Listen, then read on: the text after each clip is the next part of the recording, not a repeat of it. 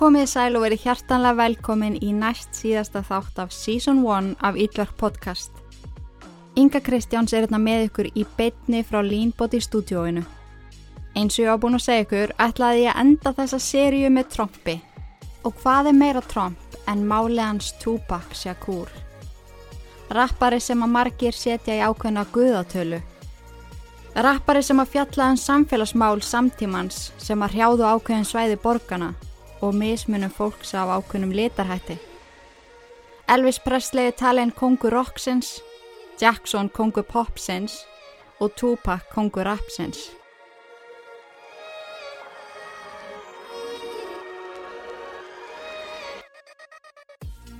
Í þessum fyrirhluta ætlum við að fara yfir uppvakstar árans, tónlistaferilinn, glæpasögu hans og risans á toppin. Í næsta hluta, sem er síðasti þáttu seríunar, þáttu nummer 100, fyrir yfir síðustu árans og þann örlaðaríka dag, 13. september 1996, þegar rapp Guðin var skotindi bana. En eigum við eitthvað að tefja þetta? Hendum okkur að stað í mál dagsins. Þátturinn er í bóði leanbody.is, blush.is og skuggihár.is. Tupac Shakur. Gjöru þið svo vel.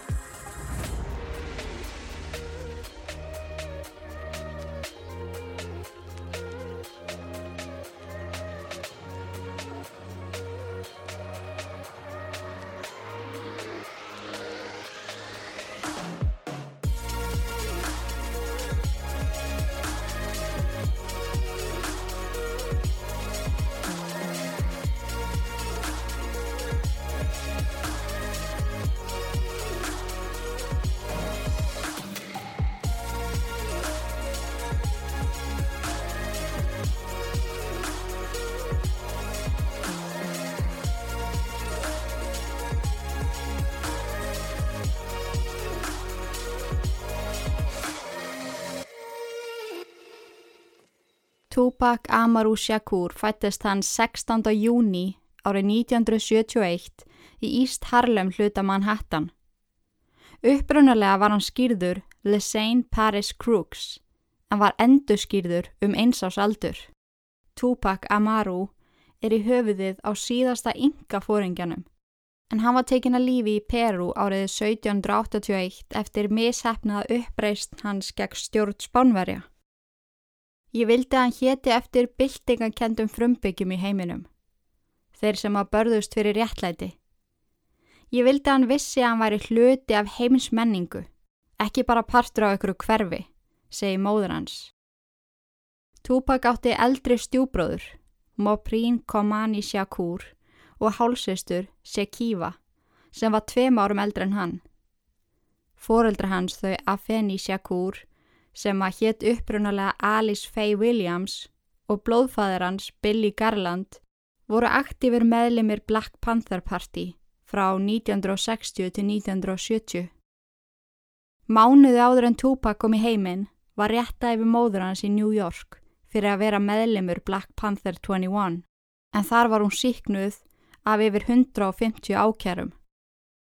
Aðrir fjölskyldumælimir sem voru partur af svarta frelsishernum Black Panthers voru dæmdir fyrir alvarlega glæpi og fangelsaðir, þar á meðal stjúpfæðir Tupac, Mutulu Shakur, en hann var í rúm fjögur ár á meðal tíu mest eftirlýstu glæpamanna FBI. Mutulu var handtekinn áriði 1986 og í kjölfarið sakveldur fyrir rán á vörubíl, en í þeim bílaeltingaleik dói nokkru lauruglumenn. Guðfæðir Tupac, Elmer Gorinimo Pratt, var hátsettur meðlimur Black Panther. Hann var sakveldur fyrir að myrða skólakennara við rán árið 1968. Dómur hans fjall síðan niður þegar kom í ljós að ákeruvaldið hafði logið til um þá staðreind að hann hefði verið á fundi, rúma 640 km í burtu frá morstað. En þar sem að svarti frelsiserinn eða Black Panthers spilaði stóran parti í fjölskyldu Tupac, skulum við renna gróflega yfir hvað það er nákvæmlega. En BPP voru stjórnmálasamtök stopnu af háskólanemanum Bobby Seale og Huey P. Newton í oktober 1966. Flokkurum var virkur í bandaríkjónum frá 1966 til 82. Starfsemi þeirra gekk út á að hafa vopnaða eftirlitsmenn sem að fyldust með hegðun lauruglu og yfirmanna. En grimmili hegðun við svarta var þekkt á þessum tíma. Flokkurum vann einni að hinnum ímsu góðgeraverkefnum eins og frían morgunverð fyrir börn sem að urðu fyrir barðinu og óréttlæti ásamt fræðslu og meðferða á sjúkdómum eins og berglum og alnæmi. Flokkurum beitti sér fyrir stjættabaróttu og tók þátt í alvarlegum og umdeildum mótmælum. Í stuttumáli svarti frelsiserinn sem að barðist fyrir réttlæti.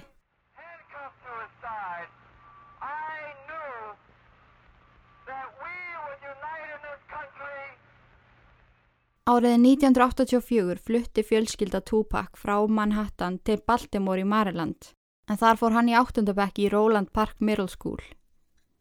Eftir mentaskóla gekk hann í Baltimore listaháskólan þar sem hann namn leiklist, ljóðlist, jazz og ballett. Hann kom fram í Shakespeare's leikritum, til dæmis leka hann músakongin í netubrjótnum.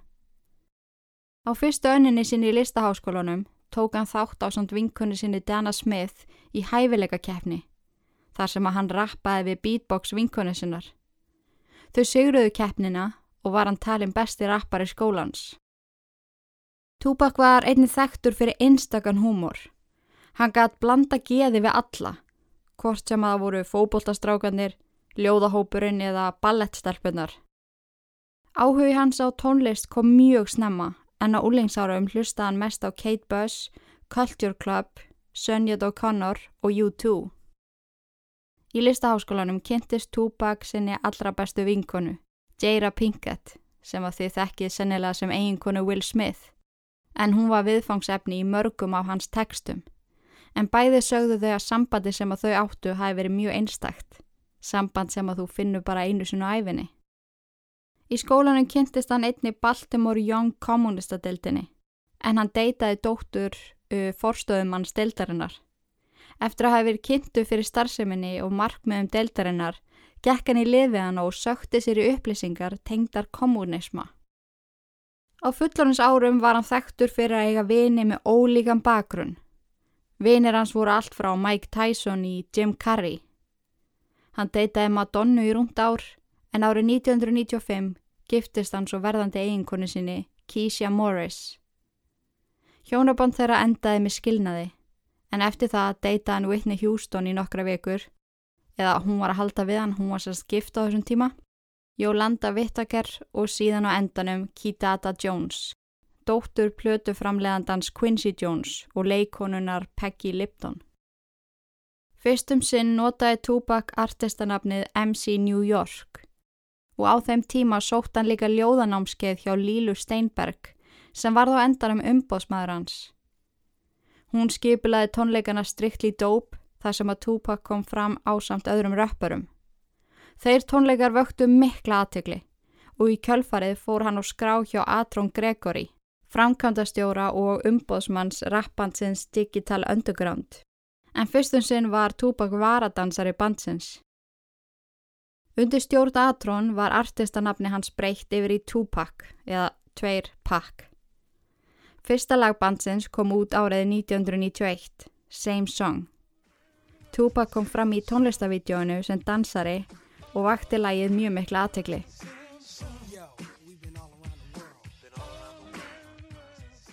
En það var ekki beint hlutverk Tupac í lífun að vera varadansari.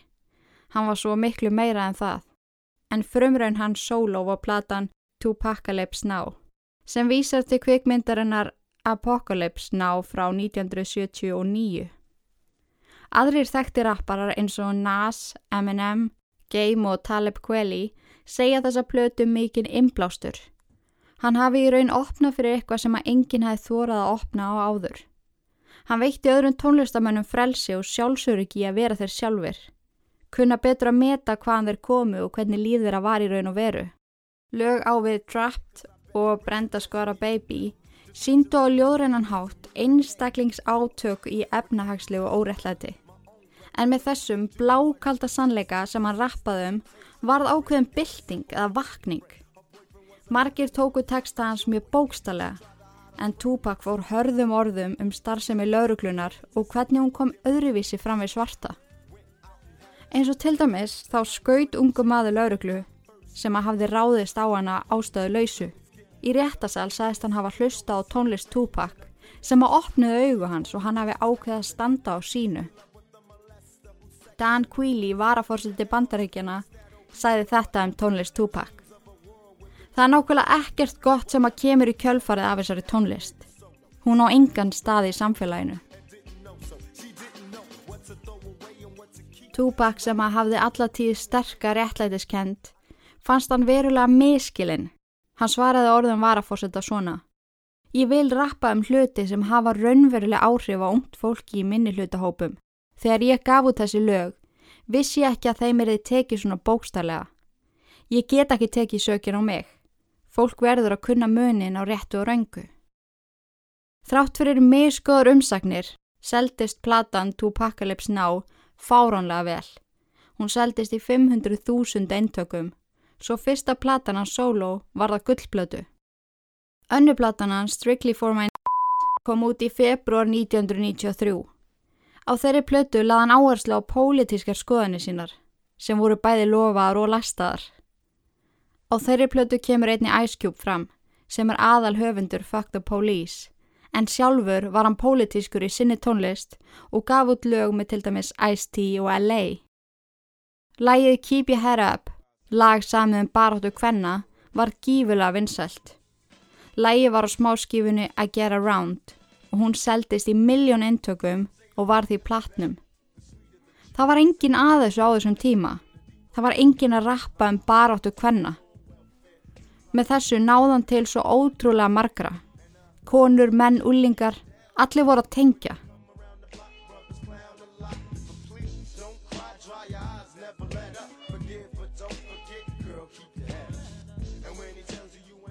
Seint árinu 1993 stopnaði Tupac bandið Thug Life með Big Psych, Magadósis og hálbróðu sínum Moprin Shakur. Þeir gaf út plötuna Thug Life Vol 1, 11. oktober 1994, sem að var sama ár gullplata.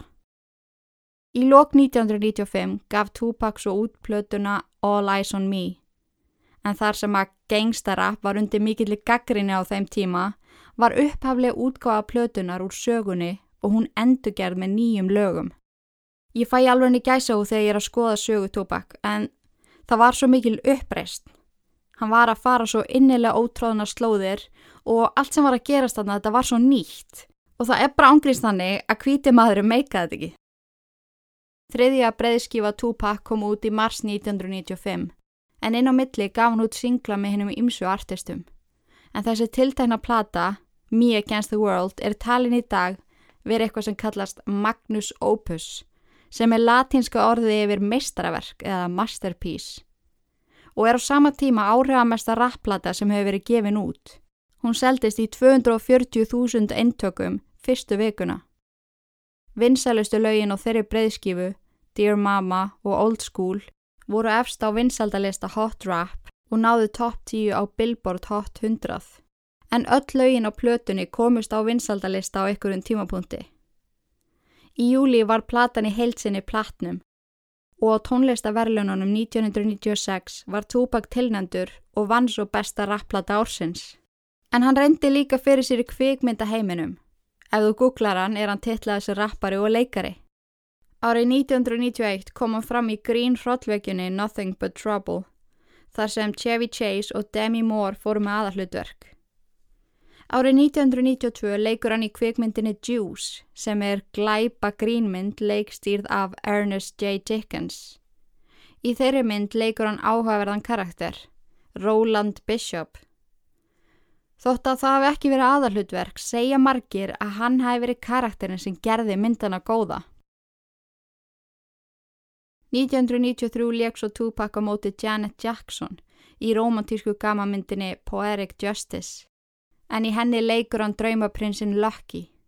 Þetta er endur ekkit eðlilega leiðilegu trailer af myndinni en maður ætti klárlega að taka Tupac Marathon í kjölfara af þessum þætti og horfa á þær myndir sem hann hefur leikið í. Tupac leik svo gangsterinn Birdie í kvikmyndinni Above the Rim og svo fljótlega eftir andlát hans komu út þrjár myndri viðbót þar sem að hann leik aðalhutverk. Bullet sem kom út 1996, Gridlocked sem kom út 1997 og Gang Related sem kom einni út árið 1997. Leikstörun Allen Hughes reði Tupac í aðalhutverk kvikmyndarinnar Menace to Society en raka hann eftir að Tupac reðist á hann á setti, eftir að ágreiningur kom upp á milliðar um handreitið. Í viðtali segir Allen að þráttur að hafa rekið hann hafi Tupac verið fullkomin í hlutverkið og í raun hæfileikaríkar en allir á setti, en máli var að hann var starri en kvikmyndin sjálf, sem er alveg freka stóra orð. Leikstjórin af kvikmyndinni Baby Boy sem kom út árið 2001, John Singleton, sagði að upphaflega hafi hann haft túpak í huga þegar að koma aðallutverkinu en það sem að hann náði ekki lifa myndina heiðra hann minningu hans með því að hengju plakkat af honum í einni leikmyndinni sem að síni Svefnarbyggi þar sem sum atriðin fara fram ásamt því að hafa lægið hans Hail Mary með í myndinni. Hann áorkaði svo fárálega miklu á frekar stuttum tíma. Allt þetta fyrir 25 ára aldur en á sinni stuttu æfi komst hann einni í kastu laugin. Sakaskrá hans var svo sannlega ekki flekklaus. Hann lagði einnig fram hinnar ímsu kærur, en eins og ég kom inn á þann talaði hann fyrir þá svörtu og ef að ég skil þetta rétt var hann kommunisti eða hallast allavega þeirri stefnu. Hann steg því ítreka fram fyrir hinn ímsu mál. Í óttober 1991 kærðan laurugluna í Ógland fyrir að keira viljandi á hann þegar hann gekk yfir gangbröð. Það mál tók langan tíma að komast í gegn en hann krafðist 10 miljón dollara í skadabætur. Eftir mjög laung og svekkjandi réttahöld samþykti hann afsökunarbeðni og 43.000 dollara. 22. ágúst 1992 kom Tupac fram á útiháttið í Marin City. Rúmriði klukkustund eftir tónleikana fyrir hann baksviðis og tók þar á móti VIP gestum sem að fengu áriðanir og myndi með honum. Ég fann ekki um hvernig þetta byrjaði nákvæmlega en átök brötust út. Í því dregu Tupac upp kolt Mustang-bissu sem hann hafði yfirlegt á sér. Hann missir bissuna í jörðina og ókunnugur aðili tekur hann upp og tekur orðt í gikkin. Skoti úr bissunni endaði enninu á sex ára dreng sem að hjólaði fram hjá svæðinu í rúmlega 100 metra fjarlægð. Hann lifði af en batafærli hans var langt og erfitt. Túbak hjælti allan að fram að þetta hafi gert svona og þráttur í fjöldan allan að vittnum pössuðu sögur sjónavotta ekki og því á endanum var máli fælt niður en Túbak greiti móðu drengsins 500.000 dollara í skadabætur. Í oktober 1993 voru bræðinni Mark og Scott Whitewell að fagna en þeir voru báðir lauruglu þjónar og voru ekki á vakt þetta kvöld en þeir voru sérst að fagna því að Mark hafi náð öllum prófunum í lögfræðinámi. Þegar leið á kvöldi voru þeir orðnir ansið druknir og voru ekki nógu varkárir þegar þeir stöyluðust yfir göduna án þess að aðtöða hvort að vera að koma bíl. Í því kemur túbak á billu sínum og það munaði hársbreyta hann aði ekki á mennina. Bræðinni reyðast heftalega og annar þeirra skýtur í bíl túpak og í kjölfarið fara menninni þrýra rýfast og hóta okkur öðrum. Þegar annar bíl leggur á vettvang, sannilegur vinir Tupac, hlaupa bræðinir í burstu. Tupac skýtur þá annan þeirra í fótinn og í bakið. Hann var ákjærður fyrir að hafa skoti í mannin og hinn bróðurinn, Mark, var ákjærður fyrir að hafa skoti í bíl Tupac og svo setna meir fyrir að hafa gefið falskar upplýsingar. En bissurnar sem að bræðinu voru með á sér höfðu þið tekið í leifisleysi og voru því ekki skráður fyrir þeim. Að lokum voru mál begja aðela felt niður. 5. april 1993 var Tupac ákerður fyrir líkamsárás en að sög sjónavotta ógnaðan rapparanum Sunshine Win úr myndbandinu Mad ásand því að gríta hljóðnema í andlitið á honum. Tupac játaði og var dæmdur í 30 daga fangelsi ásand 35 tíma samfélagsþjónustu. Og síðan eins og ég sagði ykkur frá þann reðist Tupac á leikstjóran úr myndinni Menace to Society en á milli mannana hafði myndast ágreiningur um handreitið og fyrir það sað Tupac inn í 15 daga. En það er ákjærur sem að hafðu hvað mest áhrif á Tupac en eins og kemur fram í viðtali við Ed Gordon við hann, segist hann aldrei hafa verið hrættu við dauðan. Alla æfi hafi honum verið eiginlega nákvæmlega sama um hvort hann myndi lifa eða deyja. En eftir þessar tilteknu ákærur, sér að fara að segja ykkur frá, sagðist hann ekki lengur geta dáið. Ekki meðan fólk held að hann væri nöðgari. Hann myndi ekki gjást upp, hann myndi ekki vilja deyja fyrir hann losnaði undan þessum hræðilegu ásökunum. Finally, someone else asked you in the interview, and I thought the answer was interesting because I think it speaks to you and your generation a lot. Someone said, Where do you see Tupac 10 years from now? You said, Hey, I just want to be alive. That's real for you. That's so real. I can't. I, made a metamorphosis. I'm a new person today, because I used to strongly and honestly, honestly, I feel like I could represent my generation so much because I honestly did not care whether I lived or died. But now I cannot die with people thinking I'm a rapist or a criminal. I can't leave until this is straight.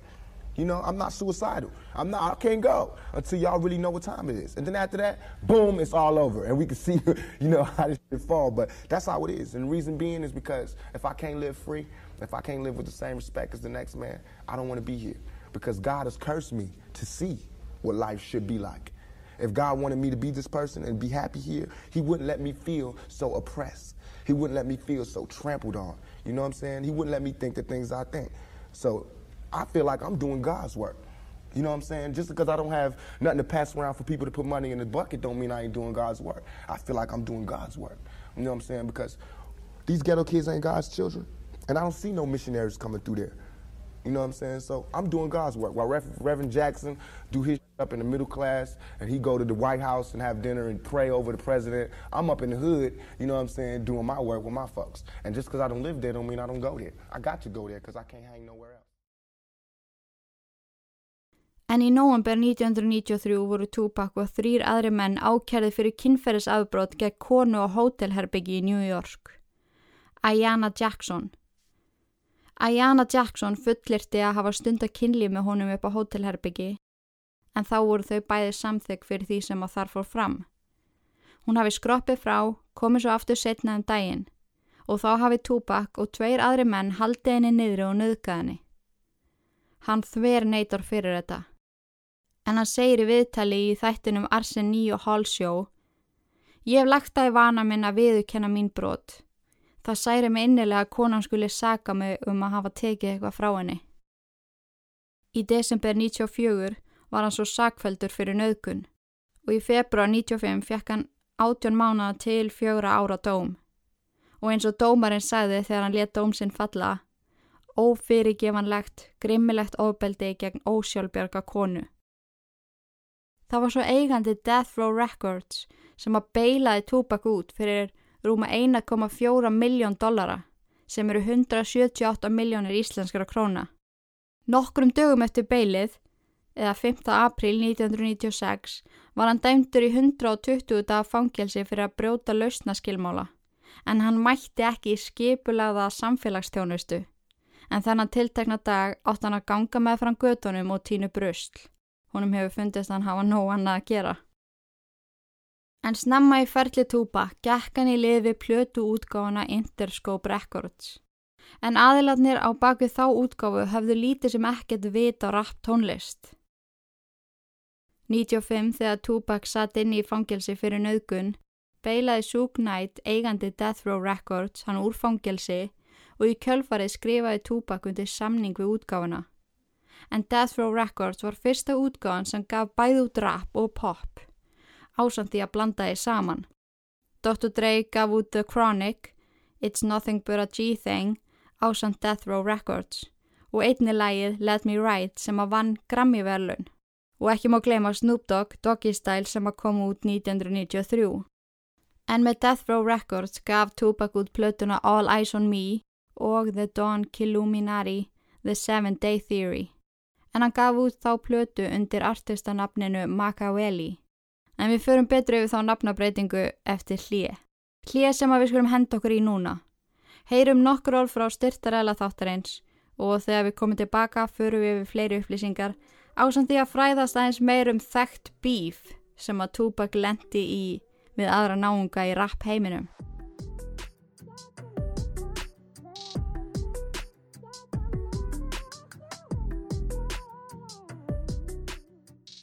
Ok, við erum alveg hreinskilin hérna.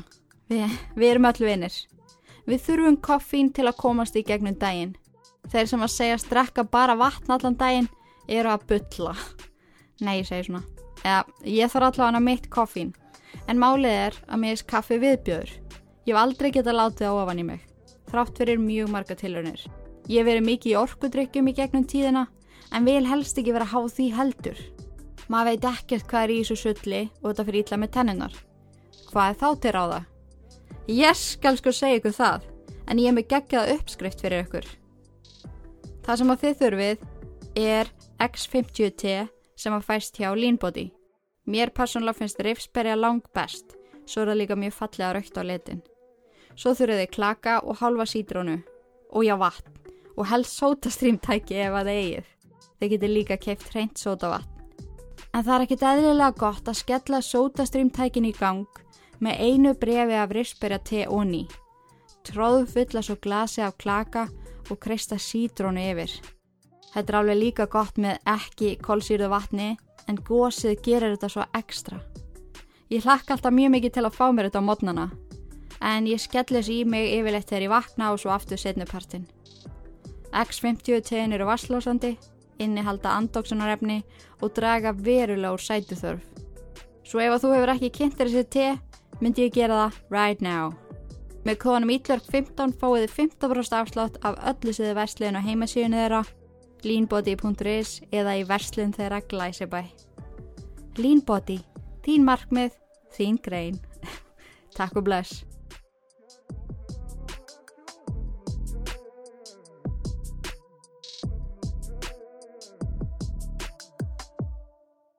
Velkomin tilbaka. Eru þið tilbúin að fara eins yfir bíf eða ágreining millir listamanna? En Tupac var alveg partur af þeim nokkrum. Á meðan hann var hluti af Digital Underground kynntist á manni sem heitir Randy Walker eða Strats. Þeir eruðu góði vinir mjög fljótt. Tók upp lög saman ásandi að koma fram saman. Strats og fyrirtæki hans Live Squad hjálpaði Tupac með fyrstu tvær plötunar hans. Þannig að vinaslit þeirra kom rappheiminum verulega óvart. En það var ansi augljóst í textum Tupac að eitthvað hafi komið upp á millið þeirra. Hann rappar til dæmis um yfirvofandi andlátstrats fyrir sveig. Það er engin haldbær sönnun fyrir því að Tupac hafi komið að dauðans en eftir upptöku live production og annari plötu rapparans Nas var bifræðstrats eld og hann skotindi bana klukka 12.30 þann 30. november 1995. Svo er það aðal bífið, eða svona þekktasta bífið sem var á milli Tupac og Biggie. En þeir og Strats voru ákveðið þrýegi í eitthvað tíma. En Tupac kallaði oft Biggie upp á svið til þess að rappa með sér. Saman tókuð þeir upp laugin Running from the Police og House of Pain. Og sagt er að Biggie hafi byggðið Tupac um að vera managerinn sinn en Tupac hafi þá ráðlagt honum að tala freka við Puffy. Hann myndi gera hann á stjörnu. Tupac bauð Biggie að ganga í liði hliðabandi sitt Thug Life en Biggie kaus að forma freka sitt eigið band, Junior Mafia, á samt vinum sínum frá Brooklyn, Lil Keys og Lil Kim. En það sem virkilega kom upp á millið þeirra var þegar þeir átt að vinna sama verkefni með öðrun rappara, Lil Sean. Tupac kom til Quad Recording Studios á Times Square 30. november 1994. Hann var við það að ganga upp á efrihæðina þar sem var Biggie og Combs voru. En í staðin var Tupac skotin fimm sinnum í andirinu. Hann leifði skotáru svona af en var vissum að Biggie hafi átt eitthvað með hann að gera. Á meðan Tupac satt inni fyrir nöðgunina var hann enþá vissar um að Biggie hafi vita af árásinni. Hann hafi líka heyrt hinnar ímsu sögursagnir. Þegar Tupac var svo beilaður úr fangelsisvistinni fór hann hjá samning hjá Death Row Records sem var í eigu Sage Knight. Þegar Tupac fór á samning þarna byrjaði samkeppni og beef á milli þeirra og Bad Boy Records Comps, hópurinn sem að Biggie var partur af. Það var aldrei eftir að sanna það að Biggie eða Comps hafi vita af skotarásinni En nokkru mánuðum síðar gaf Biggie út smáskífu og henni var lægið Who Shot Ya sem leti til viðbræða túbak með læginu Hit 'em Up. Í læginu gefur hann í skina að hafa sofi hjá konu Biggie, Faith Evans, sem að þver teku fyrir það.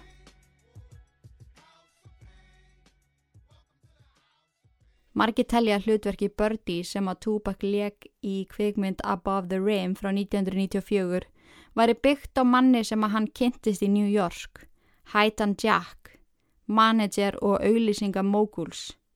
En þeir kynntust á skemmtistæði Queens, en Hætan var umkringdur konum sem að drukku með honum kampavín. Biggie hafði ráðlagt Tupac að forðast hennar mann, en þrátt fyrir ráðleggingarnar eitti Tupac kvöldunum með honum og öllum konunum.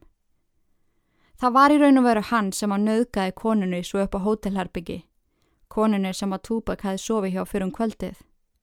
Maður getur því rétt ímynda sér af hverju hann hataði þann gæja, en vegna hans, allavega hans sögn, var hann kallaði nöðgæri, eitthvað sem að hann hataði að vera kallaður. Ok, ég ætla að enda fyrsta hluta hérna. Mér langar samt að enda á að segja 30. november 1994 lendi Tupac í skotárás og slettu árið setna var Stretch skotin til bana. Bara pæling. En við förum betur yfir seinustu árans og dauða í næsta þætti, ásandi að fara yfir þekktar kenningar. Skellin úr gömlum bíómyndum sem að Tupac leki í tækið og hafið það mega gott. Við heyrum svo í setni hluta, þætti hundrað af Yllar podcast á miðugudaginn. En þánga til, takk fyrir að hlusta Takk fyrir að vera til og í guðanabænum forðist að lítverk nema þetta podcast. Verið sæl.